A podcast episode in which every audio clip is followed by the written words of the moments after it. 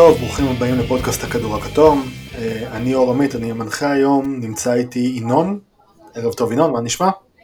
היי, מה שלומך אור? פחות או יותר בימים האלה קצת מוזר לשאול את השאלה. כן, בדיוק. אה, אז אה, בואו נתייחס רגע ל...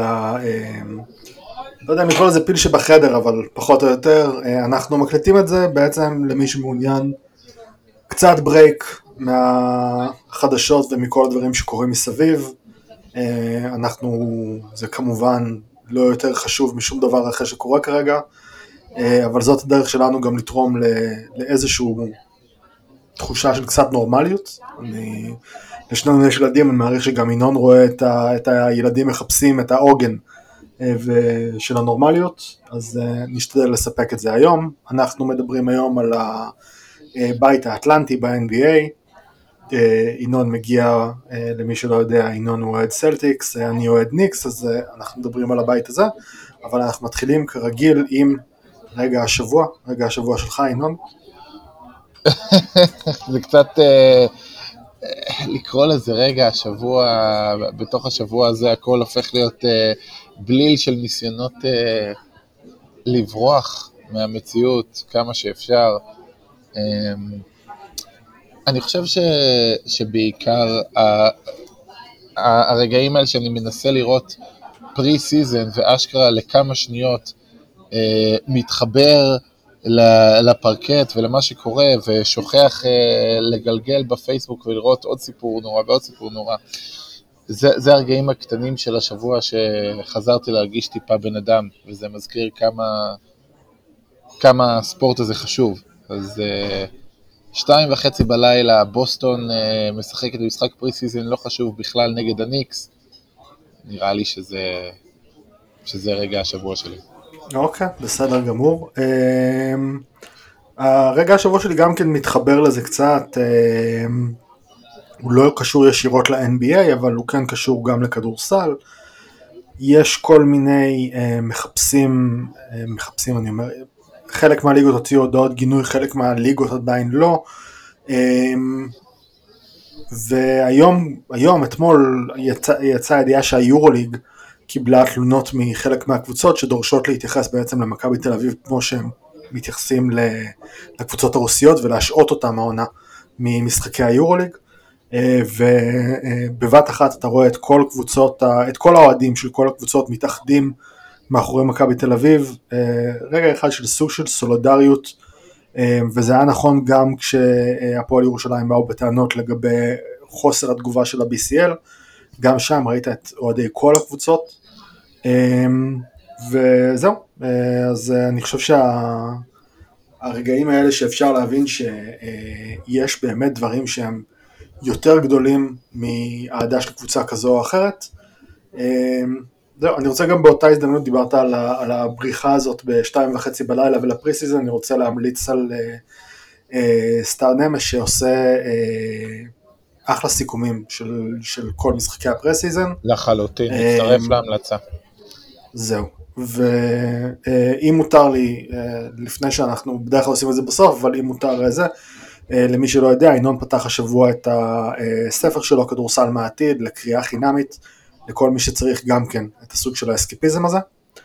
אמ, וזה נמצא נדמה לי באתר אה, עברית, נכון? כן, זה נמצא באתר עברית, זה כיף, אה, כיף.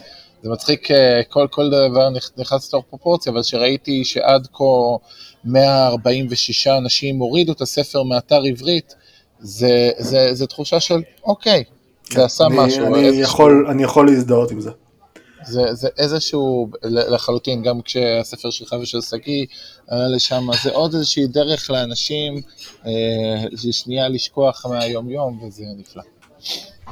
אוקיי, okay, אז אנחנו מתחילים כאמור עם הבית האטלנטי היום. אה, נדמה לי שזה היה הבית הכי חזק בעונה שעברה, אחד משני בתים יחד עם הפסיפי, שבו כל הקבוצות סיימו ב-50% ומעלה, שתי קבוצות עם 50 פלוס ניצחונות. אמ, אנחנו מתחילים כרגיל מהקבוצה החלשה בבית בעונה שעברה לקבוצה החזקה. זאת אומרת שאנחנו מתחילים עם טורונטו.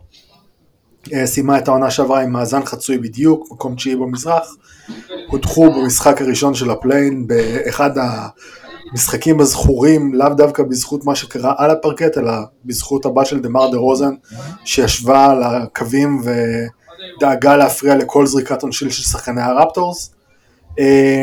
טורונטו בעצם איבדו בקיץ האחרון את שני ברגים חשובים מקבוצה, שנשארו בקבוצה מקבוצת האליפות, שזה פרד ואן וליט, הרכז הפותח שלהם, שהתפתח להיות all-star בשנים שהיו, אמ, וניק נרס שפוטר ממש עם אה, סיום העונה.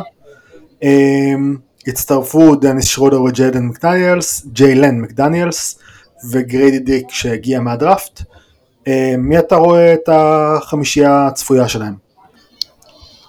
תראה, אה, אני חושב ששאלת המפתח קודם כל זה האם הם אה, הולכים גם אחרי ימי ניק נרס לעשות את ניסוי סקוטי בארנס ולשים אותו כאיזשהו רכז פותח, או שהם הולכים לפתוח עם דניס שרודר. אם הם, אני, אני חושב שבסופו של דבר הדבר הנכון, הדבר הנכון זה לפתוח עם שרודר לצידו של טרנט, בארנס, סיאקאם, פלטל. ואוג'י מהספסל? זה, אה, לא. אה, אה, אוג'י כנראה לפני טרנט, אני חושב. אה, כי הם חייבים איזשהו שחקן שמייצר משהו, הם לא יכולים ש, שכל שחקני הקבוצה הזאת יהיו אה, חבורה של ווינגים שלא באמת יודעים להוביל כדור, להקפיץ, למסור בצורה ש, שהיא לא רק אה, ביחס לעמדה שלהם, אלא כללית. אמ, אני מסכים. אמ, בוא קודם כל נדבר על. אמרת על סקודי בארנס ועל השאלה האם ייתנו לו אה, להתפתח בתור רכז, בתור אה, מוביל כדור, והשאלה היא בעצם איפה נמצא הפוקוס של טורונטו בעונה הזאת. אמ, מצד אחד אנחנו שמענו דיווחים שניק נרס פוטר בין היתר בגלל שהוא לא עבד מספיק על פיתוח השחקנים וחיפש יותר ניצחונות עכשיו. אמ, והמאמן שמונה במקומו, דארקו רייקוביץ', אמ, ידוע בתור מאמן של פיתוח שחקנים. ומצד שני, טורונטו אה, הייתה כנראה אחת הפיינליסטיות להנחית את דמיאן לילארד, מה שלא ממש מסתדר עם ה timeline שעליו אה, אנחנו מסתכלים, מדברים על פיתוח שחקנים. גם פיתוח מי, עם כל הכבוד, אוקיי, סקוטי בארנס בסדר, הוא מתחיל עכשיו את שנתו השלישית, ו... והוא הגיע ל-NBA בגיל 19, אבל פסקל סייקם הוא כבר לא שחקן צעיר, אה, הוא שחקן שהוא אה, כבר מתקרב לפוסט פריים שלו. ואוג'י אננובי, ולא ברור בכלל אם יישאר, ואוג'י אננובי כנ"ל. והיה להם ון בליט שעזב, והיה להם לפני זה את לאורי שעזב, ויש שם איזשהו מין ניסיון להיאחז, אה, וכמובן קוואי עזב שנה לפני זה, להיאחז באותו קור מרגש של האליפות, אבל בסופו של דבר יש פה קבוצה שהיא כבר אה, הולכת ו- ומזדקנת לה, ובדרך הבטוחה לשום מקום. תראה, אוג'י, אוג'י יהיה בן 26, היה, סליחה, עכשיו בן 26, אה, הוא לא בדיוק אה, שחקן שאין לו עוד לאן להתפתח. אמ, אבל אתה כבר יודע במקרה של אוג'י לאן זה הולך. במשך שנים חיכו הרגע, אה, לרגע שבו הוא ייתן את הזינוק הגדול, כל שנה ימרו עליו uh, בתור השחקן המשתפר uh, לשנה הבאה, והרגע שהוא ידע לקחת כדור ולהיות מעבר ל-3&D, ולהבדיל נגיד ממקרה מיקל ברידג'ס, שעוד נדבר עליו בהמשך, במקרה של אוג'י, הוא 3&D. זאת אומרת, גם יש את הבעיה שהוא לא מצליח להישאר בריא במשך עונה שלמה, הוא שחקן מאוד פציע. וגם בסופו של דבר, שעם כל הרצון שלו להתפתח ולהיות יותר ממשהו, אורג'י אננובי כנראה יישאר אורג'י אננובי. זה לא הולך ל... הוא לא יהיה אולסטאר. אני מסכים. אמ, אני כן חושב שיש מקום לפתח, סקודי בארנס הוא כמובן אמור, הפרויקט דגל שלהם, אבל אה, א' הם בחרו עכשיו את אה, גריידי דיק שלפחות אמור לסייע בכל מה שקשור לכליאה מבחוץ. אמ, יחד עם טרנט ש, שנכנס בעצם, אם אני זוכר נכון, טרנט האריך את החוזה שלו בעוד, זאת אומרת מימש את האופציה שלו לשנה נוספת, אה, והוא אמור לסיים חוזה בסוף השנה. השאלה המרכזית אבל להתפתח לאן, כי הבעיה הכי גדולה שזה נשמע כמו קבוצה מצוינת לסיים שוב במקום העשירי, תשיעי, 11. השאלה, וזה מתחיל ונגמר בשאלה של האם אתה חושב שסקוטי בארנס יכול להיות שחקן top 10 בליגה? כי אני לא חושב, אני חושב שמדובר ביכול, כנראה באולסטאר לעתיד, יכול להיות, יכול להיות גם שלא, אבל כשזאת התקרה שלך, וזה אמור להיות המספר אחד שלך, ואין לך איזה מספר שתיים באופק אה, לצידו, עם, עם כל הכבוד לגריידי דיק, בוא נראה, אבל יש איזה, והקבוצה לא נופלת למטה, לא עולה למעלה, זה שם את זה במסגרת מאוד מסוימת, גם אם סקוטי בארנס יתפתח ויהיה מישהו אמור להיות. לאן זה מוביל? אז תראה, אני חושב שאם אה, סקוטי בארנס יכול להיות אה, מיקל ברידג'ס type player, אז הוא לא אמור להיות לבד מספיק טוב בשביל להפוך את הקבוצה הזאת לקבוצת top 9, top 10 במזרח, אה, ואז אולי כן הוא יכול, כן אפשר לבחור לשם בהמשך איזשהו שחקן, ו, אה, לצרף שחקן צעיר שיכול להתפתח בהמשך עבור שחקן מוכח, והנה אנחנו מגיעים לפסקל סיאקם. פסקל סיאקם בעצם אה, מסיים את, הח... נכנס לשנה האחרונה בחוזה שלו. אה, כמו שאמרת, ראינו הרפטורס מאבדים בלי תמורה גם את לאורי, גם את ון וליט, גם את אה, אה, קוואי לנארד, וכמובן את כל הוותיקים שהיו שם להשלים, מרק גסול, סרג'י באקה וכן הלאה. אה, ואגב, נדמה לי שאבלן צ'ונס בעצם עבר בשביל זה, בשביל...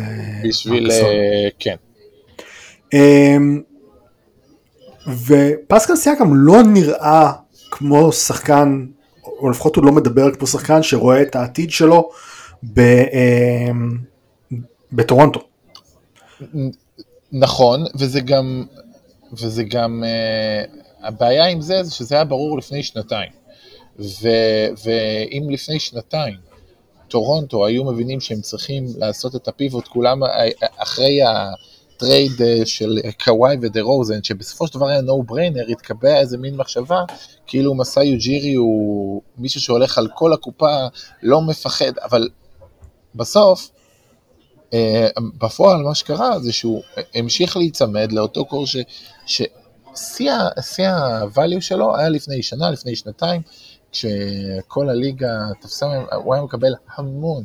על אננובי, המון על סייקם, אבל הוא ביקש הרבה יותר מההמון הזה, הוא ביקש עוד שנה שעברה איזה שלוש בחירות דראפט על אוג'י אננובי, ובסוף הוא יישאר בלי אננובי ובלי סייקם, כי גם בסוף, מה, מה שקורה הוא, יוג'ירי אמר שהייתה קבוצה, שחבר'ה לא באמת מתעסקים אה, שנה שעברה ב, ב, ב, ב, ביחד, בלנצח, אלא במספרים האישיים שלהם. אין, אין, איזה שחקנים שם כרגע הם מוסרים ברמה של מעל הממוצע לעמדה שלהם. בסופו של דבר, אולי סקוטי בארנס, אבל, אבל כשזה מתקזז עם הכלייה שלו, זה לא הרבה. אז יש לך שחקנים עם אותן יכולות, ביחד עם גם אה, בושה שעוד עולה מהספסל וכאלה. כן, אה, אני גם בושה אני זוכר אותו בתור שחקן שציפו לראות ממנו הרבה יותר. אמ, וגם הוא כבר לא בדיוק שחקן שיש לו עוד הרבה לאן להתפתח, כן? אה, אמ, הוא, תכף אני אמצא את הגיל שלו, אה, הוא, הוא כבר עבר 30, אמ, זה לא אזורים שבהם עוד שחקנים בדרך כלל מתפתחים, בדרך כלל לא שחקנים גבוהים. גם, גם שוב, ויש גם את פרשס אצ'ואה, אבל כשכל השחקנים הם בגדול אותו type, עם, עם, עם הטיות לפה, הטיות לשם, אז קשה מאוד לשחקן, נגיד כמו פרשס, ש, שגם הוא נראה כמו שחקן שיכול להתפתח להיות משהו, אה, לגדול, להתפתח, כנ"ל בושה, כי, כי כולם נכנסים לאותו מסגרת ומשחקים שחקנים ש, שהם typecast מאוד מאוד ייחודי שצריך אגב, שחקנים כמו גריידי דיק, או כמו פרד ואן וליט, אבל אה, ש...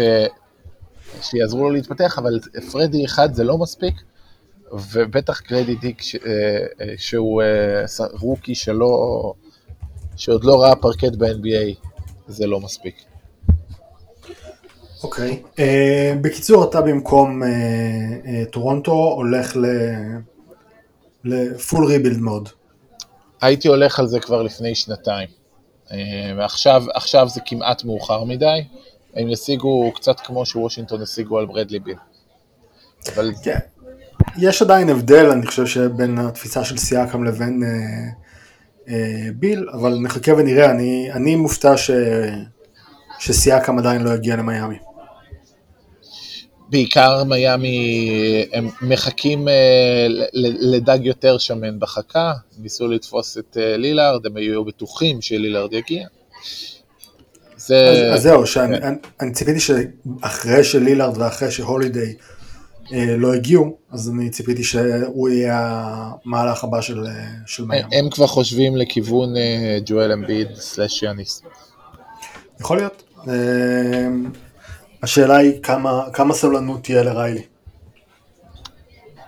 נראה, זה, זה מה שנקרא לפודקאסט על הדרום מזרחי. כן, בדיוק, זה, אותו כבר עשינו אגב. אמ, כן. אז אה, כן, בואו... טוב, יש לנו שאלות, ש... שאלה מטל קינן של פחות או יותר מה שדיברנו עכשיו, מתי טורונטו תפרק את הלהקה. אה, והאם הם צריכים לשמור על סייקם, אז לדעתי הם לא יכולים אה, לשמור על סייקם גם אם ירצו. אמ, בואו נעבור לקבוצה הבאה שהזכרנו לא מעט בינתיים, אמ, ברוקלין, ברוקלין נטס, אה, אפשר לחלק את העונה שלה בעונה שעברה לשני חלקים אה, משמעותיים, אה, עד ה trade deadline, אחרי ה trade deadline, אמ, סיימו בסופו של דבר עם 45 ניצחונות, מקום שישי במזרח, הודחו ב sweep מול הסיקסרס, למעשה החלקים הישנים עוד uh, uh, עזבו בקיץ האחרון, פטי מילס וג'ו האריס uh, נשלחו בטריידים ל-OKC ודטרויט, פטי מילס עוד עשה מאז חתיכת דרך, סת' קרי עזב כשחקן חופשי לדאלאס, ודניס סמית ג'וניור ולוני ווקר הגיעו מהשוק החופשי.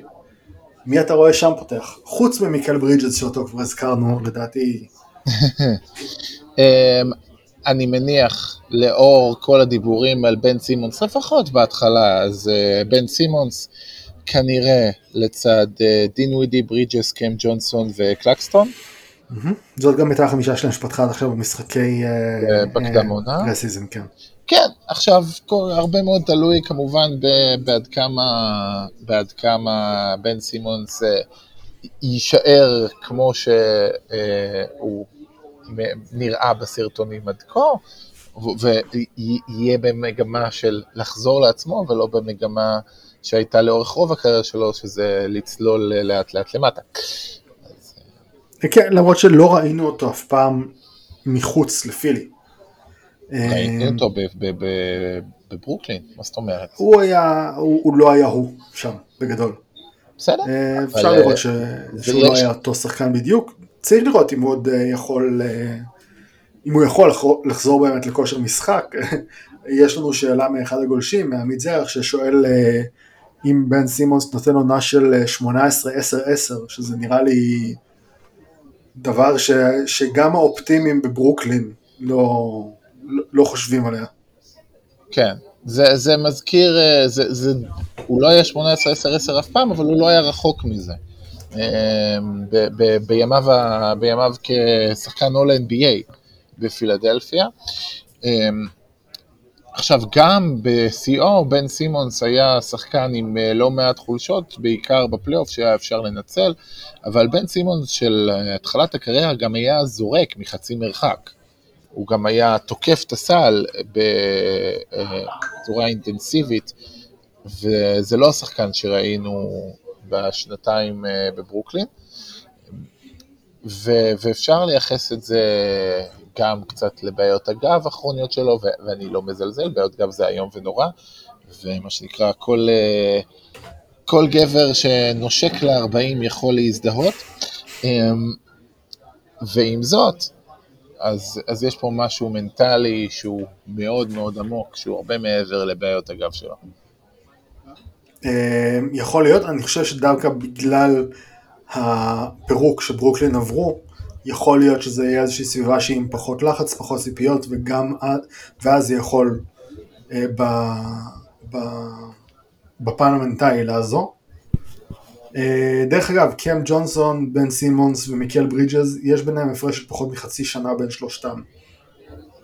סתם מה שאני שם לב עכשיו בזה.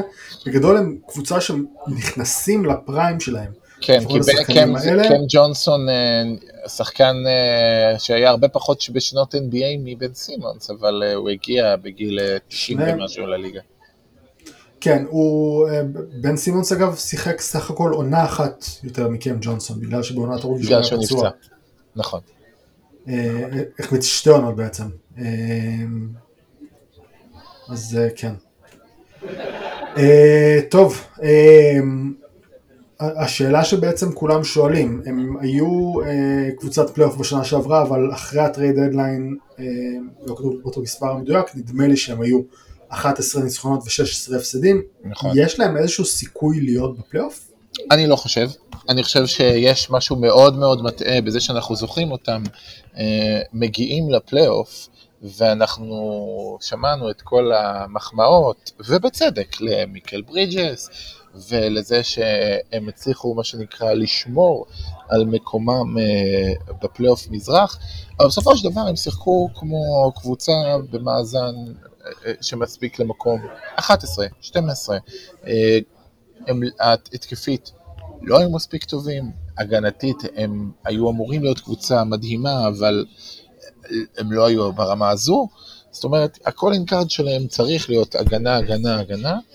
הם, עדיין אני חושב שבטח ובטח אה, בעונה רגילה ובמשחק ה-fast pace יהיה להם מאוד מאוד קשה אה, להגיע לרייטינג התקפי שישאיר אותם באזור אה, חיוג של תמונת הפלייאוף. אני חושב שהם יהיו במקום 20 ומטה ברייטינג התקפי.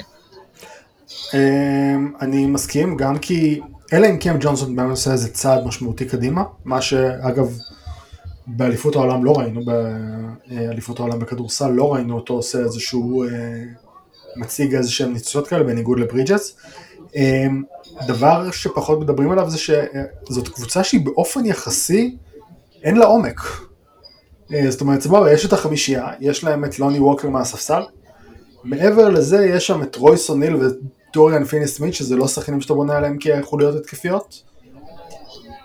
דניס סמית ג'וניור הוא נחמד כקוריוז, הוא לא השחקן שהייתי בונה עליו בתור האופציה ההתקפית המשמעותית מהספסל. שוב, הוא, הוא שחקן הגנה מעולה. כרכז הגנתי הוא, הוא, הוא fighter, הוא חוטף מלא, הוא אתלט מאוד, ועל כל היכולות uh, שבגללם הוא כביכול נבחר uh, שמיני בדראפט, אם אני לא טועה. אז, אז uh, את היכולות התקפיות שלו לא ממש קיימות, בטח לא לרמה הזאת, זה בעיה. Um, ושם אחר, דווקא בצד ההתקפי, ש...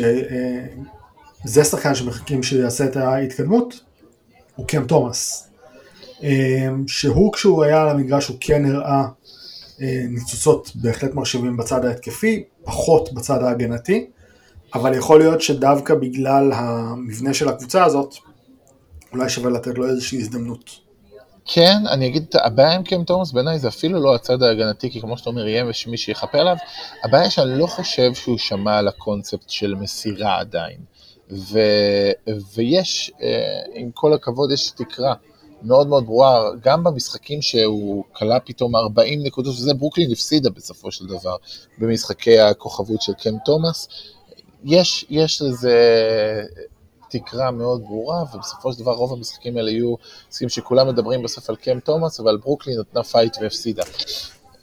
אני רוצה להזכיר לך שחקן אחר, שגם כן במשחקים שבהם הוא קלע הרבה, הקבוצה שלו הפסידה בתחילת הדרך וגם שיחק עם מיקל ברידג'ז והיום אנחנו מדברים על דווין בוקר בתור כנראה השוטינגארד הכי טוב בליגה. אה, הוא לא יכול, הוא עוד לא שם, ברור שהוא פחות מוכשר מדווין בוקר, אבל הוא כן יכול עוד להתפתח, צריך לזכור, עונה ראשונה של ז'אק וון בתור מאמן ראשי בקבוצה הזו הולכת להיות. אז אני לא הייתי פוסל אותו כל כך מהר. הייתי, הייתי נגיד משווה אותו נגיד לשחקן כמו ג'ורדן פול, או, או שחקן, יש uh, סקשן אנפרני סיימונס, הבעיה היא שגם גם לדבר הזה, uh, טייריס מקסי הוא גם חלק מהמין uh, הגאנרים האלה, הבעיה היא אין לו לא את המהירות המטורללת שיש לטייריס מקסי, ואין לו את הקליעה לא של סיימונס ולא של פול, ו... ואין, והוא, כמה שלא, אף אחד מהם הוא לא רכז טבעי ואף אחד מהם הוא לא מוסר גדול, אז uh, הוא הרבה הרבה הרבה פחות מהם. Uh, והוא לא בסייז, דווין בוקר לפחות היה לנו את הנתונים האתלטיים להיות שומר טוב, וכיום הוא שומר טוב. Uh, אבל קם תומאס נראה לי לא חושב שיכול להגיע לזה. אמ, אני עוד לא זה, אני עוד לא הייתי פוסל, בכל זאת מדובר על שחקן שרק השבוע חגג יום הולדת 22, ואם כבר, אתה ידעת שהוא נולד ביפן? לא, לא, זה משנה את הכל. אה, יאללה קם תומאס, האם הוא יצטרף אה, לנבחרת יפן עם אה, וואטנאבי והצ'ימורה? בוא נקווה, אני יודע. יכול להיות מעניין. כן. טוב, אני, דרור יכה בי אחרי זה, כי אני שכחתי קודם לשאול אותך על טורונטו את מדד ה League Pass. מדד ה League Pass נזכיר, אחד זה טוקבקים זועמים לערוץ הספורט, למה אתם משדרים את הקבוצה הזאת, ו... שתיים. וחמש זה, אתה מדבר על ברוקלין כרגע או על טורונטו? טורונטו, שתיים. טורונטו. וברוקלין? שתיים. אני אכזרי. אני, לא, אני, אני טורונטו אחד, אני לא הייתי קם לראות אותם גם כשהם היו טובים. אמ, ברוקלין, לא יודע, יש שם כמה שחקנים שאני מחבב, אז אני הולך איתך עם השתיים, שתיים וחצי כזה. בטורונטו יש את האם יצא למסקוטי בארנס משהו, זה, זה איזשהו אינדיקציה, גריידי דיק הביא הרבה מאוד swag בדראפט, בוא נראה אם, אם קורה פה משהו מעניין, זה, זה מה שהופך את זה ללא אחד. החליפה של גריידי דיק תדאג שאם אתה קמת לראות אותו אתה לא תצליח לחזור לישון. אה, טוב, עוברים לצד השני של העיר, אנחנו עם אה, הניקס. אה, סיימו בעונה שעברה במקום החמישי במזרח עם 47 ניצחונות ו-35 הפסדים. עברו את קליבלנד בסיבוב הראשון בסדרה שהייתה תענוג לכל המעורבים בדבר, היה כדורסל מאוד מהנה לצפייה, ובסיבוב השני פגשו את מיאמי בסדרה שהייתה עוד יותר מהנה לצפייה, אה, והפסידו. הם שלחו את אה, אובי טופין לאינדיאנה כדי לפנות מקום, דרק רוז אה, נפרד מטום טיבודו ועזב לממפיס, וכתוצאה מזה לניקס היה מספיק מקום בשביל להחתים את דונטה דיווינצ'נזו על ה-MLE. נשאר שם עדיין אוון פורנייה שחוץ מלפתוח בשביתת אה, רעב עושה הכל כדי שיעבירו אותו ב trade אה, וחוץ מזה הצטרף גם אה, ג'ייקוב טופין שזה אחיו של אובי טופין ומי שלא ראה אותו מדובר על אובי טופין שחובש פאה ארוכה מה הצפי שלך לחמישייה שם? חמישייה, אז אנחנו מדברים על ג'יילן ברונסון, אנחנו מדברים אה, כמובן בזה על אה, מיץ' רוב, על מיטשל רובינסון, על אה, ג'וליוס רנדל, אנחנו מדברים, דיווינצ'נזו אתה חושב יפתח? לא. אז, אז יש לנו את קוונטין גריימס ואת את ג'וש הארט אני חושב. רגע, שכחת. מה, את ארג'יי ברט? כן, כן, ארג'יי ברט, נכון, שכחתי. אז, אבל בצדק שכחתי. אה, ג'וש הארט אולי יפתח, זאת אומרת יש שאלות כאילו אם גריימס יפתח או ג'וש הארט יפתח, אני מעריך שזה יהיה גריימס, הוא נותן בכל זאת קצת יותר ריווח. ואוקיי, אז אה, חוץ מזה, השם הראשון שאנחנו מתייחסים אליו לא נמצא בחמישייה דווקא, ולא נמצא בנובה connection, אלא מדובר על עמנואל קוויקלי. אמ, אלה שהולכים הרבה, הרבה יחסית אחורה, זאת אומרת מתחילת העידן של אה, ליאון רוז ו... World Wide Wes, זוכרים שבנו בניקס את הקנטקי connection, עמנואל קוויקלי היה אחד מהם, והשאלה היא בעצם, הניקס עדיין לא נתנו לו הארכת חוזה, הוא זכאי לה, הוא הופך להיות שחקן חופשי מוגבל בסוף השנה. אמ, מה יהיה איתו? דבר ראשון, אתה דיברת קודם על אה, קם תומאס כאיזשהו פוטנציאל. עמנואל קוויקלי, בעיניי אה, זה שחקן שהרבה הרבה יותר ראוי להיכנס לשיחה הזאת, זה שחקן שאין שום סיבה שהוא לא יגיע לקליבר של אנפרני סיימונס, של ג'ורדן פול, של החבר'ה האלה. אמ, עם כל אהדתי לבוסטון, אני חושב שעמנואל קוויקלי היה השחקן הראוי שנה שעברה לתואר השחקן השישי. אמ, ויש לו, לפוטנציאל שלו, משמעות מאוד מאוד גדולה אה, ליכולת של הניקס אה, להמשיך אה, ולגדול ולצמוח. אני לא יודע אם הוא מסוגל להחזיק בתור שחקן חמישייה, אבל כסופר סאב מטורף, הוא בהחלט יכול, הוא גם לא שומר כזה רע, והוא בסופו של דבר יכול להיות uh, שחקן שהניקס צריכים בטווח הארוך לבנות, לבנות עליו. כן, היו כאלה שטענו שנה שעברה שמי שהיה צריך לקבל את הארכת חוזה זה קוויקלי ולא בארט. אמ, אז uh, אני לא יודע, הוא... בארט כן הראה יכולות לתרום גם בפלייאוף, אה, קוויקלי לא כל כך, היה לו... היה לו פלייאוף נורא. קמפיין פלייאוף רע מאוד. כן. ובהתחשב בזה שהכסף שהוא מחפש הוא כנראה באזור מה שאר.ג'יי בארט קיבל, מה שטיילר הירו קיבל, מה שג'ורדן פול קיבל ומה שטייריס מקסי כנראה יקבל, אה, אני לא בטוח שהוא שם. מצד שני אני לא בטוח שהם צריכים להרשות לעצמם לאבד אותו. אני אגיד לך מה, אמ, יש שחקנים, ואולי נגיע לזה בהמשך, אה, ששיחקו בפלייאוף מספיק פעמים כדי שאני ארגיש לפחות אישית ש-what you see is what you get. לדוגמה, ג'וליוס רנדל, אני יודע שכנראה זה לא שחקן שאני אצפה ממנו לגדולות ונצורות בפלייאוף. תמיד אפשר להגיד, הקרסול, זה בסדר. אמ, אבל זה שחקן ש... שעד כה לא הוכיח את עצמו כמי שיכול אה, לגדול בפלייאוף, קוויקלי, אני יכול גם, אה, אני יכול גם להאמין שהוא יוכיח את עצמו אחרת. ג'יילן ברונסון למשל, זה שחקן שבפלייאוף הראשון שלו בדאלאס היה קטסטרופה. בשנה אחרי היה מצוין. ועם הניקס, אז הוא היה מדהים אה, בפלייאוף. אז בסופו של דבר, אני יכול גם לראות במקרה של קוויקלי עקומת שיפור, שתהיה. לפחות לקוות בשבילו. אוקיי. אמ, טוב, כתבתי כאן איזושהי שאלה אחרת, אבל, אבל אני אפתח אותה לכיוון משהו שגולשים שאלו אותנו. אמ, התחושה שלי היא שג'לן ברונסון יכול להיות שחקן שני בקונטנדרית. אר.ג'יי בארט וג'וליוס רנדל כנראה יכולים להיות כל אחד מהם שחקן שלישי בקונטנדרית. אה, רביעי. מי אתה רואה בתור שחקן ראשון בקונטנדרית? שהניקס יכולים להביא. אה, אה, ניב פלץ הזכיר את אמביד, זיון, טאונס, יאניס כמובן היה הוזכר באיזשהו שלב לפני ה trade על דיים. תראה, זו שאלת מיליון הדולר, אני לא מאמין גדול בג'ואל אמביד, מעולם לא הייתי.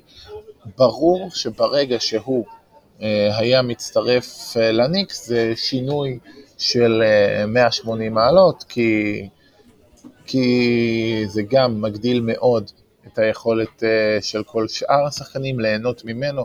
שחקן כמו גריימס למשל, שהוא קלעי טוב, אה, יחיה נפלא, ועם אמביד והריווח ש, שהוא גם יספק לאמביד מאוד יעזור, כנ"ל קוויקלי, כנ"ל ברונסון. רנדל כמובן במקרה כזה לא יהיה חלק מהקבוצה, וטוב שכך. אה, בסופו של דבר אני חושב שאין מה לעשות, אם לא יהיה להם שחקן שהוא top 10, במקרה הרע, עדיף top 5, אז, אה, אז זה התקרה שלהם, זאת אומרת, התקרה שלהם זה fight בסיבוב השני של הפלייאוף.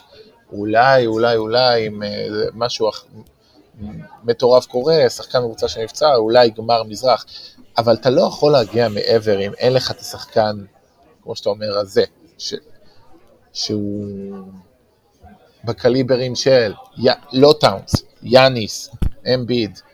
אמ, לילארד זה בעיה, כי עד שהגיע לניקס שחקן שהוא אשכרה בקליבר של ג'יילן ברונסון, אז uh, לשים אותו ביחד עם לילארד, זה... זה, לפספס משהו משמעותי. אוקיי, okay, זה, וזה מוביל אותי לאיזושהי שאלת המשך. כי אם אנחנו מדברים על אמביד אה, ועל בטח על זיון, אז שניהם שחקנים שה load management הולך צמוד לשם שלהם. אה, אם אנחנו מדברים על טאונס, אז זה שחקן שהמילה הגנה לא ממש הולכת איתו. ועד היום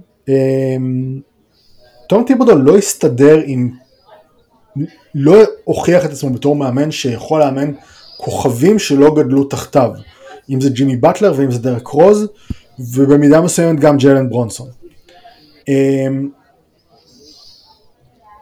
האם יכול להיות שהניקס בשביל להתקדם עוד שלב הם צריכים להגיד אוקיי טיבודו הביא אותנו עד עכשיו אנחנו צריכים לשנות דיסקט?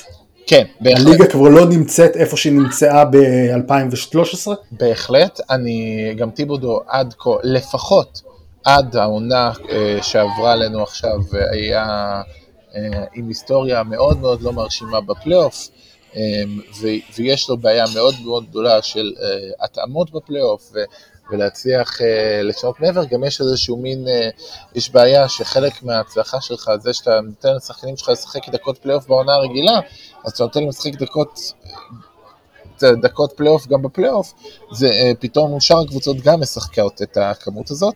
היה לו יתרון, זה שהוא אשכרה שיחק מול מאמן פחות טוב ממנו בפלייאוף, מול ג'יי בי ביקרסטאף בעונה האחרונה, מול קליבלנד, ואז הפער היה פה מספיק. אני חושב שספציפית פשוט ה matchup של הניקס עם קליבלנד היה matchup טוב.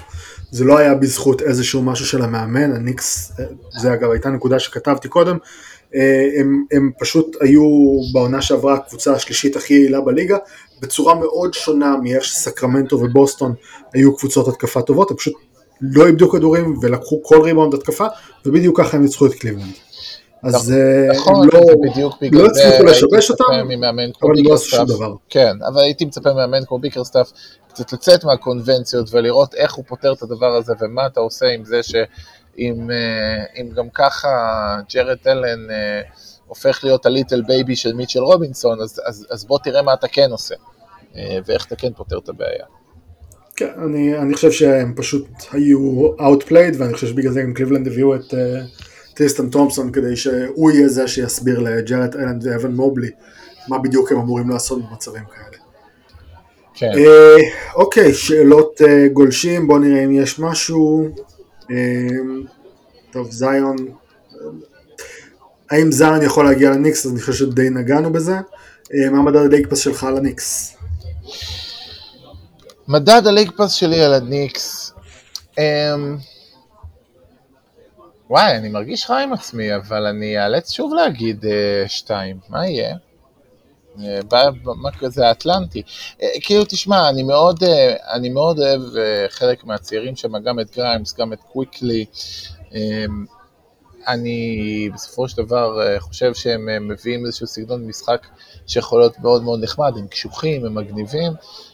אבל what you see is what you get, זאת אומרת, זה לא איזשהו צעצוע נוצץ מעבר לתוספת של דונטה די וינצ'נזו. כי אם אני עכשיו פותח אה, ערב רנדומלי את ניו יורק ניקס, אני יודע מה אני הולך לקבל. כן, תראה, אני, אני אמ, בצ... עזוב את זה שאני אוהד הקבוצה, בצורה אובייקטיבית אני חושב שאני מדרג אותם משהו בין שלוש לשלוש וחצי. אני מאוד אוהב את מה שהם עושים שם, בזה שהם מאחדים מחדש את הקור של וילנובה. אה, גם הארד, גם צ'נזו, גם אה, ברונסון וגם אה, ריינר צ'ידיאקונו. כי, כי זה שחקנים שאוהבים לשחק ביחד, ואני אוהב לראות קבוצות שאתה רואה שנהנות לשחק ביחד. הם לא משחקים כדורסל נהדר, מה שכן אם יש לכם בעיה עם איך שכדורסל ב-NBA משוחק היום, תפתחו משחקים של הניקס, כי תום טיבודו בהקשר הזה נשאר אותו מאמן שהיה עוזר מאמן של ג'ף ון גנדי ב nineties בניקס. כן, לחלוטין. אז אה, כן, אז אה, אם אתם אומרים הכדורסל שלנו זה לא הכדורסל של פעם, תפתחו ליג פס על הניקס, זה הכדורסל של פעם. לגמרי, לגמרי, לגמרי. הכי, הכי אולד סקול. אוקיי, יאללה, אנחנו עכשיו בקבוצה מספר 4 מתוך 5 של הבית. לפני שאנחנו מציגים את מה שהיה, איפה היא תסיים, לדעתך? מבין חמש הקבוצות. ת, תן לי את הסדר של חמש הקבוצות בבית הזה, לדעתך. אני חושב שבוסטון אנחנו עוד נגיע אליה, אני חושב שזה די קונצנזוס שהיא תסיים ראשונה. כן. Um, תראה, השאלה הגדולה באמת זה הניקס או הסיקסרס מי יהיה לפני. Um, יש הבדל, אני חושב שזה גם 2-3 וגם 4-5, אני לא בטוח מי יסיים לפני מי. כן, אמ, השאלה של 4-5 פשוט היא, שתיהם ידשדשו בבינוניות, אז אחת תהיה בבינוני 10, אחת תהיה בבינוני 11, בסדר. אמ, ברוקלין, אני מהמר שטורונטו יהיו לפני ברוקלין, אמ, ו... ואני עדיין אקח את פילדלפיה לפני הניקס, גם כי ניק נרס, אני חושב שהוא יטרוף קצת את הקלפים, הרצפה של פילי הרבה יותר נמוכה, זאת אומרת, הרבה מאוד תלוי במה קורה עם ג'יימס הארדן, אמ, אבל, אבל התקרה, אה, התקרה מעניינת. אה, גם מקסי אמ, הראה לפחות ב preseason אה, יכולת מאוד מאוד מרשימה, הוא בדרך כלל מרשים שהוא בלי אמביד ובלי הארדן, אבל אבל נראה. אוקיי, okay, אז בואו בוא שנייה נעשה רגע recap על מה שהיה לנו שם. סיימו את העונה שעברה במקום השלישי במזרח, 54 ניצחונות. sweep על ברוקלין בסיבוב הראשון, עלו ליתרון 3-2 מול הסלטיקס, ואז בתצוגת אה, אנטי אימון של דוק ריברס, אה, שענתה אגב על תצוגת אנטי אימון של ג'ו מזולה לפני זה, אה, הפסידו. אה, אבל אני חייב... בזמן, okay. אוקיי. בזמן שמילווקי והסלטיקס התחזקו, פילי בעצם הלכו אחורה, ג'ורג' ניאנג הלך לקליבלנד, ג'יילן מקדניאלס הלך לטורונטו, שייק מילטון הלך למינסוטה, פטריק בברלי הצטרף. השדרוג המשמעותי היה בזה שדוק ריברס פוטר והוחלף בניק, בניק נרס מטורונטו. אה, כן, מה רצית להגיד? אבל אני חייב, אני חייב איכשהו כל פעם, אה, אחד הדברים המדהימים בג'ואל אמביד זה שהוא איכשהו כל פעם מצליח לסיים פלייאוף מאכזב ושמאשימים מישהו אחר. אה, ועם כל הכבוד, אני חושב שהשם המרכזי שעל שמו צריך להיות אה, רשום, הפספוס הזדמנות העצום שהיה להם מול בוסטון, אה, בוסטון שלא נראתה טוב, שנראתה רע, שפספסה בכל הכיוונים, למרות שאמביד, הרדן נתן שני משחקי ענק, במשחק אחד ובמשחק, ובמשחק חמש. אה, וניצח לבדו את בוסטון פחות או יותר. ולאמביד הייתה הזדמנות, אה, ולהגיד תירוץ כמו לא קיבלתי את הכדור בכל הדקות האחרונות של משחק 6, וזה בעיניי זה מגוחך. אה, ואז אחרי זה במשחק 7, תצוגה כזאת מביכה של עיבודי כדור, של חוסר רצון, היה ברור כבר, החל מהשלושה הראשונה שטייטום דפק במחצית השנייה, שזהו. שראית את הרדן, ראית את אמביד, אתה יודע, אפילו בתור uh, מישהו אוהד בוסטון כבר, uh, ואמור להיות לחוץ בטירוף במשחק שבע, זה היה לי ברור שזה לא... גם, גם כשהיה שש ושמונה הפרש זה היה ברור שפילי לא הולכת לצאת במשחק הזה מנצחת. ו, וכל השפת גוף הזאת, בסופו של דבר, אני חושב שהשאלה המרכזית של פילדלפיה, uh, שעומדת לפתחם, מעבר להרדן, מעבר להכל, היא השאלה של אמביד. מה הוא רוצה, האם הוא רוצה להישאר, האם הוא רוצה ללכת, והאם הוא בכלל שחקן שמסוגל, בעונה הרגילה הוא, הוא מפלצת, הוא top שניים או שלוש בעונה הרגילה.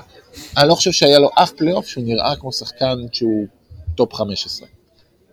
אף פלייאוף. אוקיי, אני מקבל. וזה פשוט לא מספיק. אמ, ואני חושב שזאת השאלה המרכזית שעומדת לפתחה של הפלייאוף, כי, כי סבבה, אם הם ינצחו בעונה רגילה 50 או 40, זה, זה אחלה, אבל זה לא העניין. נכון. אמ, ודווקא אני כן רוצה לחבר את זה לשאלה של אמ, אה, דוק ריברס מול ניק נרס. כי דוק ריברס, גם כשהוא אימן בסלטיקס ועל זה כביכול הוא בונה את הרזומה שלו בתור מאמן על בליגה, הוא לא הוציא מהם יותר ממה שהם הביאו מעצמם. זה אגב דבר ששחקנים שהיו ב roster של הסלטיקס אמרו. אני אגיד לך אבל מה דוק ריברס כן יודע לעשות, וזה איזושהי תכונה שלו שקצת מפספסים. דוק ריברס הוא המאמן הכי טוב בליגה בלהביא קבוצה פצועה למשחק רנדומלי ביום שלישי, שאתה לא מבין, ששלושת השחקנים המרכזיים שלך לא משחקים, ואיכשהו להוציא ניצחון שאתה לא מבין איך זה קרה ולמה ג'ורג' ניאנג דפק ארבע שלושות. זה הוא מעולה. הוא יודע, הוא, בגלל זה הוא מאמן רגילה. סבבה, הוא מרים רצפה. רגילה מצוין. הוא מרים רצפה. נכון. אני אומר שלאור זה, אה, אנחנו, אה, ניק נרס, אין ספק שהתקרה שלו יותר גבוהה. ניק נרס הוא גם סכנה. ניק נרס זה גם רצפה מאוד נמוכה. זאת אומרת, אה, האיש ידוע כמי ששוחק את השחקנים שלו, האיש עלול להיות over מורכב, ואם זה עובד, זה עובד, זה יכול לעבוד מדהים. וכבר ראינו אותו בעונתו הראשונה לוקח אליפות. אבל אני לא שולל את זה. אם דוק ריברס היה מאמן עכשיו, אז uh, הייתי יודע שהם יעופו בסיבוב שני כרגיל, אבל גם הייתי יכול להבטיח לך 50 ניצחונות, ובמקרה הזה אני לא בטוח. זאת אומרת, התקרה יותר גבוהה, אבל, אבל יש פה רצפה. אוקיי. אמ, הזכרת את טייריס מקסי. כן. בהנחה, תחת ההנחה הסבירה שהרדן לא, לא נשאר לאורך זמן בקבוצה. אה, מה אנחנו יכולים לראות, מה אנחנו יכולים לצפות בטייריס מקסי? אני חושב שהשאלה המרכזית עם טייריס מקסי זה האם הוא מסוגל באמת להיות playmaker. הוא מצוין בתור scorer, הוא מהיר כשד, הוא, הוא קלעי לשלוש, שזה משהו שלא ידעו עליו בתור שחקן תיכון, הוא הוכיח שהוא קלעי לשלוש ממש מהטובים בליגה, גם מכדרור, גם במצבים קשים, אבל מה, הוא לא מספיק, הוא, הוא מוסר מעט מאוד לחצית לעמדה שלו, והוא שומר רע מאוד. הוא חייב לשפר בצורה דרסטית לפחות אלמנט אחד מהשניים האלה, עדיף מאוד את שניהם, כדי שנוכל להגיד שהוא אופציה שנייה טובה בליגה. כי עם כל הכבוד לנטייה של כולם להגיד סבבה, מקסי יחליף את הארדן, מה שג'יימס הארדן יודע לעשות הרבה יותר טוב ממקסי, זה, זה להיות השחקן המוסר, אה, ב pick and roll ובכלל. ומקסי יודע הרבה יותר טוב ליצור לעצמו, והוא יגיע עד הטבעת, אבל, אה, אבל אם הוא לא ישפר את ראיית המשחק שלו, אז יש לזה גם תקרה. אמ, אנחנו בלחץ זמן, אז אני רק אגיד לך ששווה לך לראות את הרעיון שלו אצל ג'יי ג'יי רדיק, של דרייס מקסי, הוא מדבר בין היתר על הדברים האלה, על, על הקטע של אמרו לו שברגע שהכדור מגיע אליו לא צריך לחפש אף אחד, אלא לדחוף, ועל זה שהוא התחיל את העונה שעברה בעצם, סליחה, לפני שתי עונות. הוא התחיל בעצם בתפקיד של בן סימונס, ואז אמרו לו, אה, אתה עכשיו צריך להתרגל לשחק בלי הכדור, אמ, ו- ודווקא בגלל שכנראה הסיטואציה עם הרדן לא הולכת להיפתר, אז uh, אני חושב שנראה אותו, יהיה מעניין לראות אותו איך הוא יהיה עם הכדור, אני מסכים שזה בעצם המבחן המשמעותי של האם הוא יכול להיות uh, יותר משחקן משלים בליגה, אני מאוד אוהב אותו, אני חושב שיש לו פוטנציאל uh, להיות אולסטאר, להיות הגארד המוביל ליד אמביד, אמ, אבל נחכה ונראה. אה, ואם דיברנו על הרדן, אה, והזכרנו גם את סימונס, אז אה, מורי כבר שיחק צ'יקן פעם אחת עם סימונס, אז הוא ניצח. מה יהיה הפעם? המזל כאילו של מורי זה שהרדן חייב, זאת אומרת יש לו, יש סעיף אגב מאוד דרקוני בחוזה, ב-CBA, ששחקן אה, בעונה האחרונה שלו, אם הוא עושה הולד אאוט, אם הוא לא מגיע לאימונים ומשחקים, הוא למעשה מאבד את הזכות שלו להיות שחקן חופשי. אה, והרדן, אם הוא לא משחק פיזית, אז זה המון המון כסף שהוא מפסיד. אממה, הרדן ממש ממש טוב, ב... הוא מומחה מספר אחד בלשחק ולא לשחק. בשביתות איטלקיות. אה, זאת אומרת, הוא יכול לתת לך משחק שכביכול אתה רואה את הנתונים היבשים שלו, אתה אומר, אה, סבבה, 23 נקודות, שישה אסיסטים, אה, בסדר, משחק בסדר, ובפועל מי שראה את המשחק, מי שראה אותו אה, לא שומר, יודע בדיוק במה מדובר, יהיה שמח, יהיה שמח, אלא אם כן מורי יעשה כנראה את הדבר הנכון, לפעמים גם המהמר הכי טוב בקזינו צריך לדעת מתי to fold, והוא לא יקבל הרבה מעבר, אני חושב שה... זה שאשכרה הפכו שחקן, עם כל הכבוד, אה, לטרנס מן, שחקן בינוני כזה ל...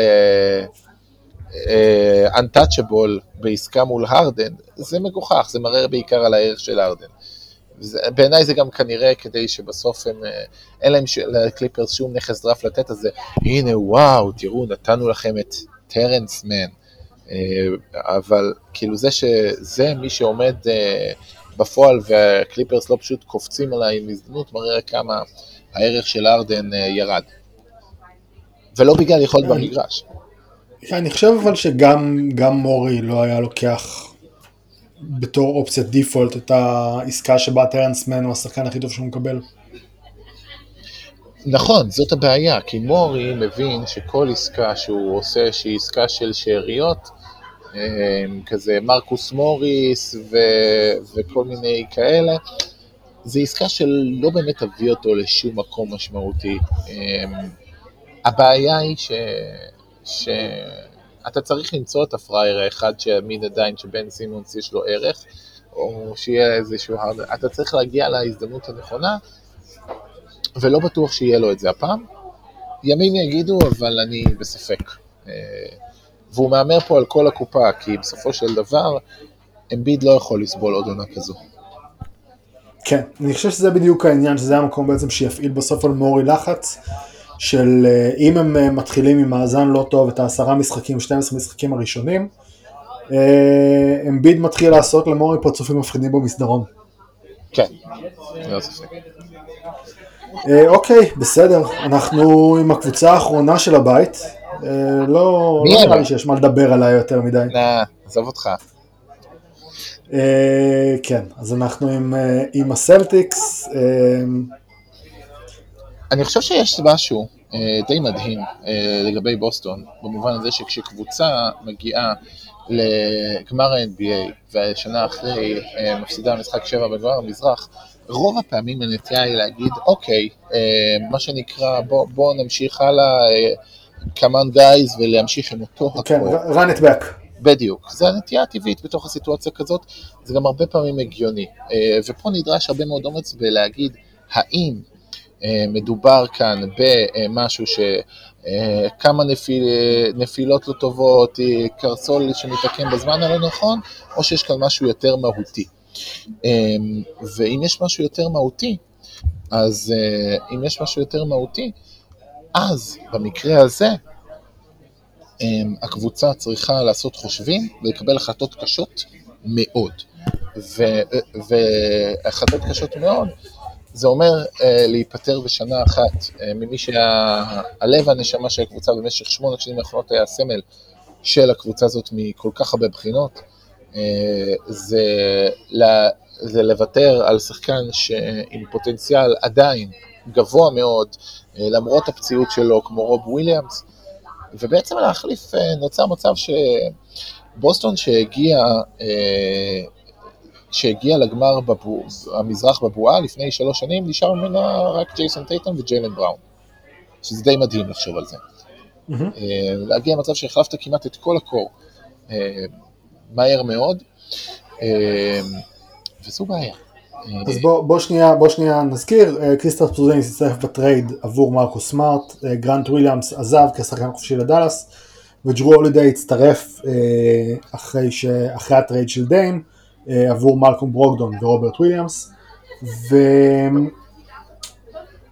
ואני אגיד משהו, תגיד לי עד כמה אתה מסכים עם זה בתור מישהו שחווה את הקבוצה יותר מבפנים, אני חושב שבמידה מסוימת ה trade על ג'רו הולידיי הציל את בוסטון מה trade על מרקוס סמארט. כי אם ההגנה שלהם הייתה נראית פחות טוב ממה שהיא הייתה נראית בעונה שעברה, אפילו לא הגנה רעה, הגנה פחות טובה ממה שהייתה בשנה שעברה, בפעם הראשונה שפורזינגיס מחמיץ משחקים, קופצים על הראש של ברד סטיבנס, ומה עשיתם לקבוצה? תשמע, אה, אין ספק. אה, אה, אני אגיד ככה, אני, היה לי מאוד מאוד קשה עם הטרד על פורזינגיס. אגב, אה, גם אה, לא רק מסיבות של הפרקט, גם קצת מסיבות שמחוץ לפרקט, אה, יש פער מאוד מאוד גדול באישויות שם, אבל בסופו של דבר גם, גם היה, כמו שאתה אומר, הרבה מאוד שאלות, זה ה trade על פורזינגיס בהכרח מבטל את ה... זאת אומרת, כל, היתרון של בוסטון לאורך שנים היה switchיביליות, זה שאי אפשר לתקוף אותה מאף עמדה, וזה שבשביל זה אתה צריך שחקן כמו אה, אל הורפורד שימשיך את switchable בסנטר, וצריך מרקוס סמארט שיכול לשמור באמת 1 עד 5. אה, ואתה מוותר על זה, אתה מביא שחקן שהוא אך ורק ל drop, ו... ואתה משנה לחלוטין את כל איך שהקבוצה אמורה להיראות.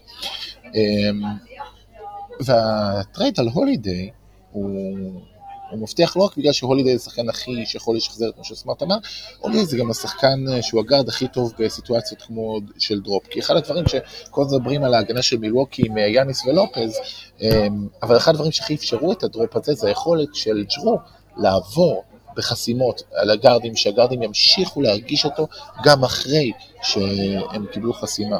אה, שזה אחד האספקטים שפחות מדוברים בהגנת ה drop של מילווקי, ואני חושב שהם מאוד יחסרו אותו השנה, ואני חושב שאם בוסטון משנים לחלוטין סגנון המשחק שלהם, והולכים הרבה יותר על הגנה מבוססת אה, drop, עם פורזינגיס, עם הורפורד שהוא כבר לא באמת מסוגל אה, להחליף כמו פעם, ובלי רוברט וויליאמס, ובלי מרקוס סמארט. אני חושב ש... שג'רו הולידיי הוא, הוא, הוא בדיוק, אבל בדיוק הבן אדם הנכון למשימה, ואני כן חושב גם עם ג'רו, שעם כל הכבוד אני יודע מה אומרים על אחוזי הפלייאוף שלו, אני חושב שזה בעיקר קשור לזה שהוא היה אופציה שנייה או שלישית. אמ, אני חושב ש... שהתקרה ההתקפית של בוסטון עלתה בצורה מאוד מאוד מאוד משמעותית. זאת אומרת, אה, מה ש... יפה. כן. אז, אז זו פעם שנייה שאני מפנה אותך בעצם לפוסטר של רג'י רדיק, אה, ג'ו מזולה היה שם שבוע שעבר, דרך אגב, למי שלא יודע, ג'יי ג'יי רדיק, זה דווקא שמעתי, בעצם על להיות העוזר מאמן של ג'ו מזולה שנה שעברה, אה, זה לא הסתדר בגלל ענייני לוז, אבל התפקיד הזה הוצע לו, אה, וקודם כל בנוגע למה שאמרת על ה drop, צריך לזכור שבפלייאוף האחרון, רק עכשיו, ג'ימי באטלר ומיאמי צלבו את ג'רו הולידיי וה drop. ואחד מהדברים שג'ו מאזולה מדבר עליהם, זה הוא אומר, אוקיי, אנחנו לא יכולים לא לעשות switch all על הכל, ואנחנו לא יכולים גם לשחק drop על הכל. נכון. כי בפלייאוף אנחנו לא, לא יכולים להרשות לעצמנו להת, להתחייב יותר מדי לאותה סכמה, סכמה אה, הגנתית, או לאותה סכמה בכלל. הסיבה המרכזית שהוא בעצם דחף להביא שחקן כמו קריסטפס פורזינגיס זה בשביל שיהיה לו אה, עוד כלים התקפיים שלא היה לו בפעם שעברה, בשביל שההתקפה שלו תהיה פחות צפויה. נכון. הוא, הוא דיבר על, ה, על, ה, אה, על התרגילים האלה שאנשים לא מתכוננים עליהם כי אה, הם פחות האופציות המיידיות שלהם בעונה הרגילה, שמיאמי שלפה מולם אה, ולהם לא היה מענה לזה. נכון, אני חושב שאחד הדברים אה, שבאמת, אה, שבאמת אה, אמורים וצריכים להשתנות בהתקפה של בוסטון השנה, זה, זה שיש יותר counters. למיאמי היה, מה שנקרא הצד השני של ההגנה הסוויצ'בילית של בוסטון, זה שהיה להם כל פעם איפה להחביא. את השחקן שלא שומר עליהם, אה, שלא שומר אותו, והיה תמיד את ה... אוקיי, אז בוא נעזוב את מרקוס מאן. היה תמיד את זה שגם כשבוסטון, אה, נגיד pick and roll בין טייטום ובראון, הבעיה שלו, עם כל הכבוד זה שני השחקנים הכי טובים של הקבוצה, שבעצם אתה מחליף שומר wing ושומר wing, אז סבבה, החלפת בין השומר הכי טוב שלך לשומר השני הכי טוב שלך, זה כאילו בתוך הדבר הזה לא נותן לך המון. אמ, ובסיטואציה הזו, אז, אז בוסטון חייבים איזשהו counter. הם חייבים איזשהו שחקן שמביא להם משהו אחר. פורזינגיס אה, בעונה האחרונה, לפחות בוושינגטון, אה, עשה גם שיפור מאוד מאוד מרשים ביכולת שלו מהפוסט. אני חושב שזה גם אה, אחד ה... לפני שלוש כן, שנים היה debate... דיברו, דיברו על זה גם כן. היה debate מאוד רציני על בכלל האם זה צריך לעשות post-up ב-NBA, שריק קרלייל בגמר אמר פשוט מהלך לא יעיל. אז אני חושב שבטח בפלייאוף, אני חושב שאגב, שלא רק פורזינגיס צריך לעשות post-up אה, בבוסטון, אה, אחד השחקנים אה, הכי יעילים בליגה השנה שעברה ב post-up, אתה יודע מי זה היה? ג'רו הולידיי. ג'ייסון טייטום. אוקיי. ג'ייסון טייטום היה ב-98 percentile, זאת אומרת, כן. בטופ של הטופ נשמע סביר. ביעילות בפוסט, אבל אך ורק עם אה, post-up אחד בממוצע למשחק. וזה, כשאתה כזה scorer, זה פשע. אה, אפילו אם הוא יהיה ב-80% percentile עם 4 במשחק, זה, זה משהו אדיר, כי זה גם מגוון לחלוטין את כל ההתקפה של הקבוצה ופותח המון. אמ, אני חושב שבסופו של דבר, אה, בוסטון, הם ילכו ויבואו לאן שטייטום יוביל אותם, אבל עכשיו יש, יהיה להם עוד כלים להתמודד ולייצר אה, דברים אחרים גם, התקפית. זאת אומרת, גם היכולת של דרור בתור מי שישמור עליו, לרוב, נכון, הוא שיחק עם הגרביטי של יאניס, אבל תמיד שמר עליו הגארד השומר הטוב ביותר בקבוצה היריבה, ועכשיו, או השחקן פרמטר הטוב ביותר, ועכשיו ישמור עליו השחקן השלישי בטבעו, אפילו לפעמים הרביעי בטבעו, כי גם דרק ווייט הוא אופציה ייחודית. אז זה כוח. כוח התקפי משמעותי, אני, מניח שהם יהיו, הם, הם צריכים להיות בטופ שלוש התקפית אה, בעונה הרגילה, ו, ואני מקווה שהם, זה יתבטא גם בפלייאוף. אה, אוקיי. אה, אני חושב אגב, זה משהו שהוא פחות מדובר, אבל אה, קריסטפס פורזינגיס הוא גם שומר, כאילו rim protector, בשנתיים שלוש האחרונות הוא rim protector לא רע בכלל. נכון, נכון.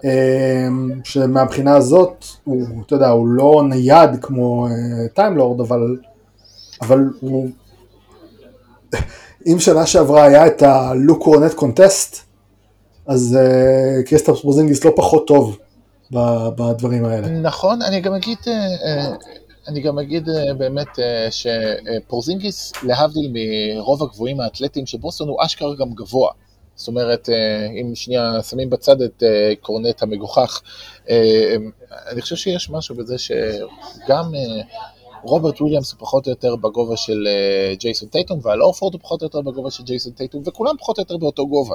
ויש משהו בשחקן שהוא אשכרה 7-3, שמביא מבט אחר וקצת גורם לזה שכל ההרכב של הקבוצה נהיה גבוה, בטח ובטח אם נגיד משחקים ביחד עם הורפורד בחמישייה. אני אגב מקווה שלא, אבל... אבל... אוקיי, אז, אז אם פתחת את זה, אז מי אתה רואה את החמישייה שלהם? כי, כי ג'ו מזולה אומר שיש להם שישה שחקני חמישייה. נכון. בעצם. אני מאוד מקווה שאל הורפורד, בעיקר בשביל לשמור אותו למתי שזה חשוב בפלייאוף, שישחק 20 דקות לערב.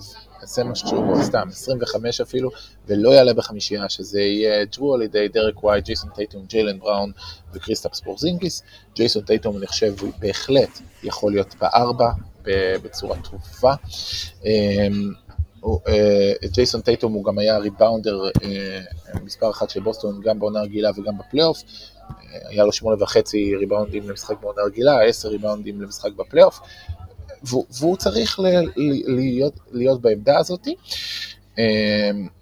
וכן, זה מאוד מעניין, גם ההרכב עם אל אורפורד, אבל אני חושב שצריך לשים לב לא לשחוק את ההרכב הזה יותר מדי, כי אל אורפורד יהיה בעיקר חשוב לסדרות מול יאניס ולסדרות מול אמביד, והוא צריך לא להיות שם, לא, לא להיות עד הסוף בן 38. ובשביל זה, או בעונה הרגילה, הוא צריך לשתות מרגריטה על הספסל. אוקיי, ומי לידו בספסל? זאת אומרת, אני חושב שזה אחד... קצת overblown, uh, יש את בוסטון עם רק שישה שחקנים, טטי טטי טטה. אגב גם... שבעה, אני סופר את פריצ'רד בתור שחקן רוטציה בסדר לגמרי. פריצ'רד גם הוכיח את עצמו מאוד בעונה רגילה, פריצ'רד גם לא קיבל הרבה הזדמנויות, גם אומרים שהוא לא שחקן, דרור אוהב להגיד שהוא לא שחקן uh, לפלייאוף, אבל uh, בסדרה מול ברוקלי, נגיד לפני שנתיים, הוא היה מצוין, בסיבוב השני פחות, אבל העניין עם זה שהוא השתפר מאז, ואני כן חושב ש, שהוא יכול להגיע, להגיע להיות שחקן לגיטימי, הוא לא שומר רע, הוא צריך שיחפו עליו בכל הכיוונים. ואולי לוותר על הנטייה שלו, הוא רץ בהתלהבות לריבונד התקפה, ביחס לגובה שלו זה מגוחך כמות הריבונד התקפה שהוא לוקח, ויש חיסרון גדול כשהרכז שלך לא, רץ בהתלהבות לריבונד התקפה, כי מישהו צריך גם לחזור להגנה בצד השני. אז אני מקווה שיבטלו לו קצת את ההרגל המגונה הזה. חוץ ממנו, גם סבי מיכאיליוק הוא נראה לא רע בכלל ב preseason, והוא גם לא רע עם הכדור, ואני כן רואה אותו בתור מי שיכול להיות רוטציה. סם האוזר, הוא גם לא כזה שומר גרוע והוא קלעי מצוין. אז אני מניח שבשבע ושמונה זה כנראה יהיה פריצ'רד האוזר, כשלדבר הזה, אז או מבין בריסט ולמר סטיבנס יכולים לתפוס איזשהו wing הגנתי לעונה הרגילה, ו... וסנטר מחליף כרגע זה אמור להיות לוק קורנט, למרות שנמיאס קייטה, שהיה בסקרמנטו בזמנו וכרגע שחקן 2-way, לפחות ב preseason נראה הרבה יותר טוב, אני מאוד מקווה שהוא יהיה השחקן, הוא גם קצת יכול לחקות מעט להיות מעין רוברט וויליאמס לעניים. אוקיי, okay, אני, אני דווקא, א', אין לי שום דבר נגד קורנט, אתה דיברת קודם על גובה של פורזינגיס אז הוא מאוד דומה. כן. אה, וסם האוזר אני מסכים, הוא גם כן אה, נתן, אה, גם שנה שעברה היה, נתן כמה הבלחות. ובריסט, הוא קצת עבר מתחת לרדאר באינדיאנה, אבל, אבל הוא שחקן לא, לא רע בכלל.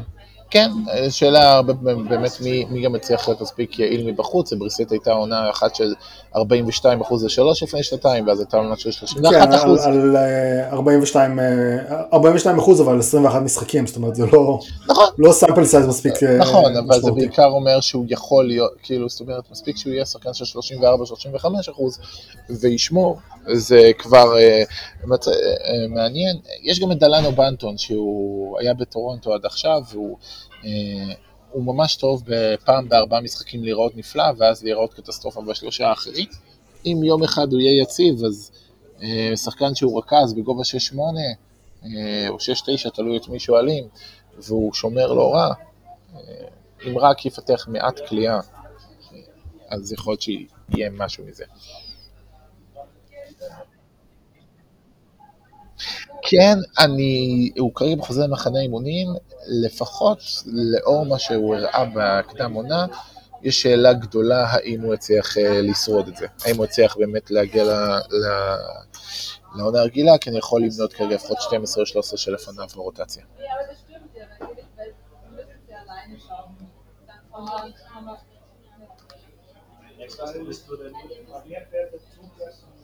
אה, נעלמת לי. רגע, התנתקנו. אה, אוקיי, באמצע הדיאלוג, באמצע המונולוג על גבריאל. אני לא יודע אם הוא יישאר בסגל, היו לפחות 12 או 13 שחקנים שנראו טובים ממנו, גם קייטה היה נראה באופן משמעותי עדיף. גבריאל הוכיח בלייקרס בזמנו ובפורטלנד שהוא כן יכול לתרום, אבל לפחות אם לשפוט את היכולת הנוכחית שהוא הראה, אני לא יודע אם הוא יישאר בסגל. אז נראה, כי הוא כרגע בחוזר למחנה אימונים.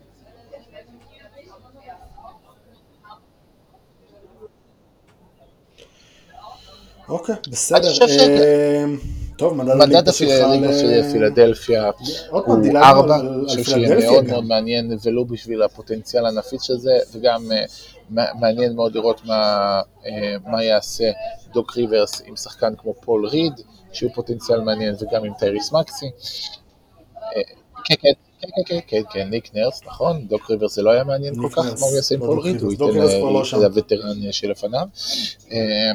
אבל אה, אז אה, ארבע פילדלפיה ובוסטון, אפילו אובייקטיבית אה, אני נותן להם חמש, כי, כי זה נורא מעניין לראות קבוצה שמשנה את עצמה ב-180 מעלות והולכת על כל הקופה, שמה את כל הז'יטונים, זה גם יכול להתרסק באותה מידה, אז זה בטוח יהיה מאוד מאוד מעניין לצפות.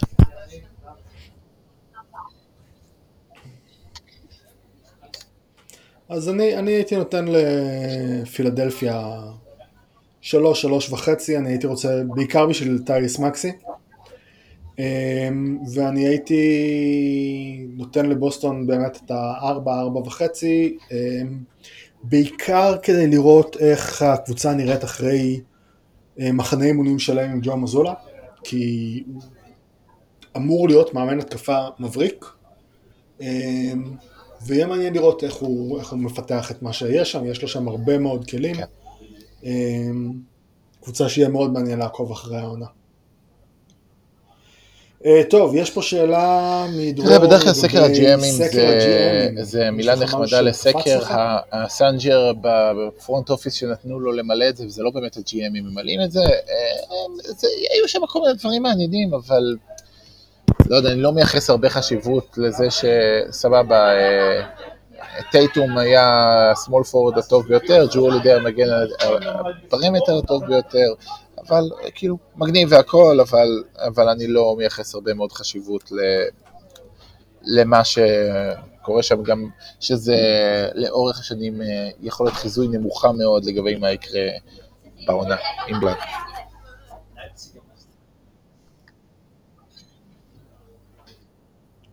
כן, אני, אני תמיד אוהב לראות את ההטיות, את ה-recency biasים.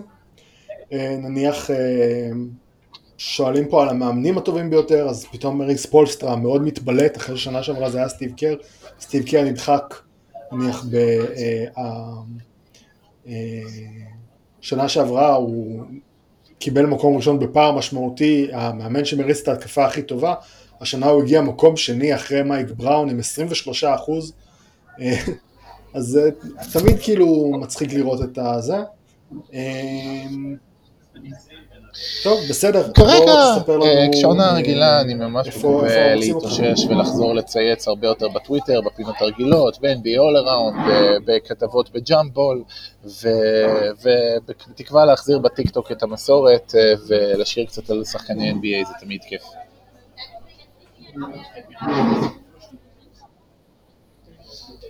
יאללה, אה, תשמרו על עצמכם כולם, אה, משהו יקרים? שלנו, אוהבים את כולכם ואת כל הקהילה, אה, חושב על כולכם.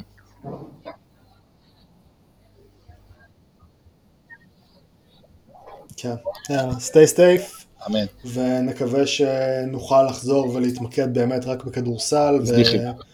ב- בכל הדברים שעכשיו. נראים אה. קטנים. כן. טוב, תודה רבה, ושיהיה ערב שקט. ביי, בהצלחה.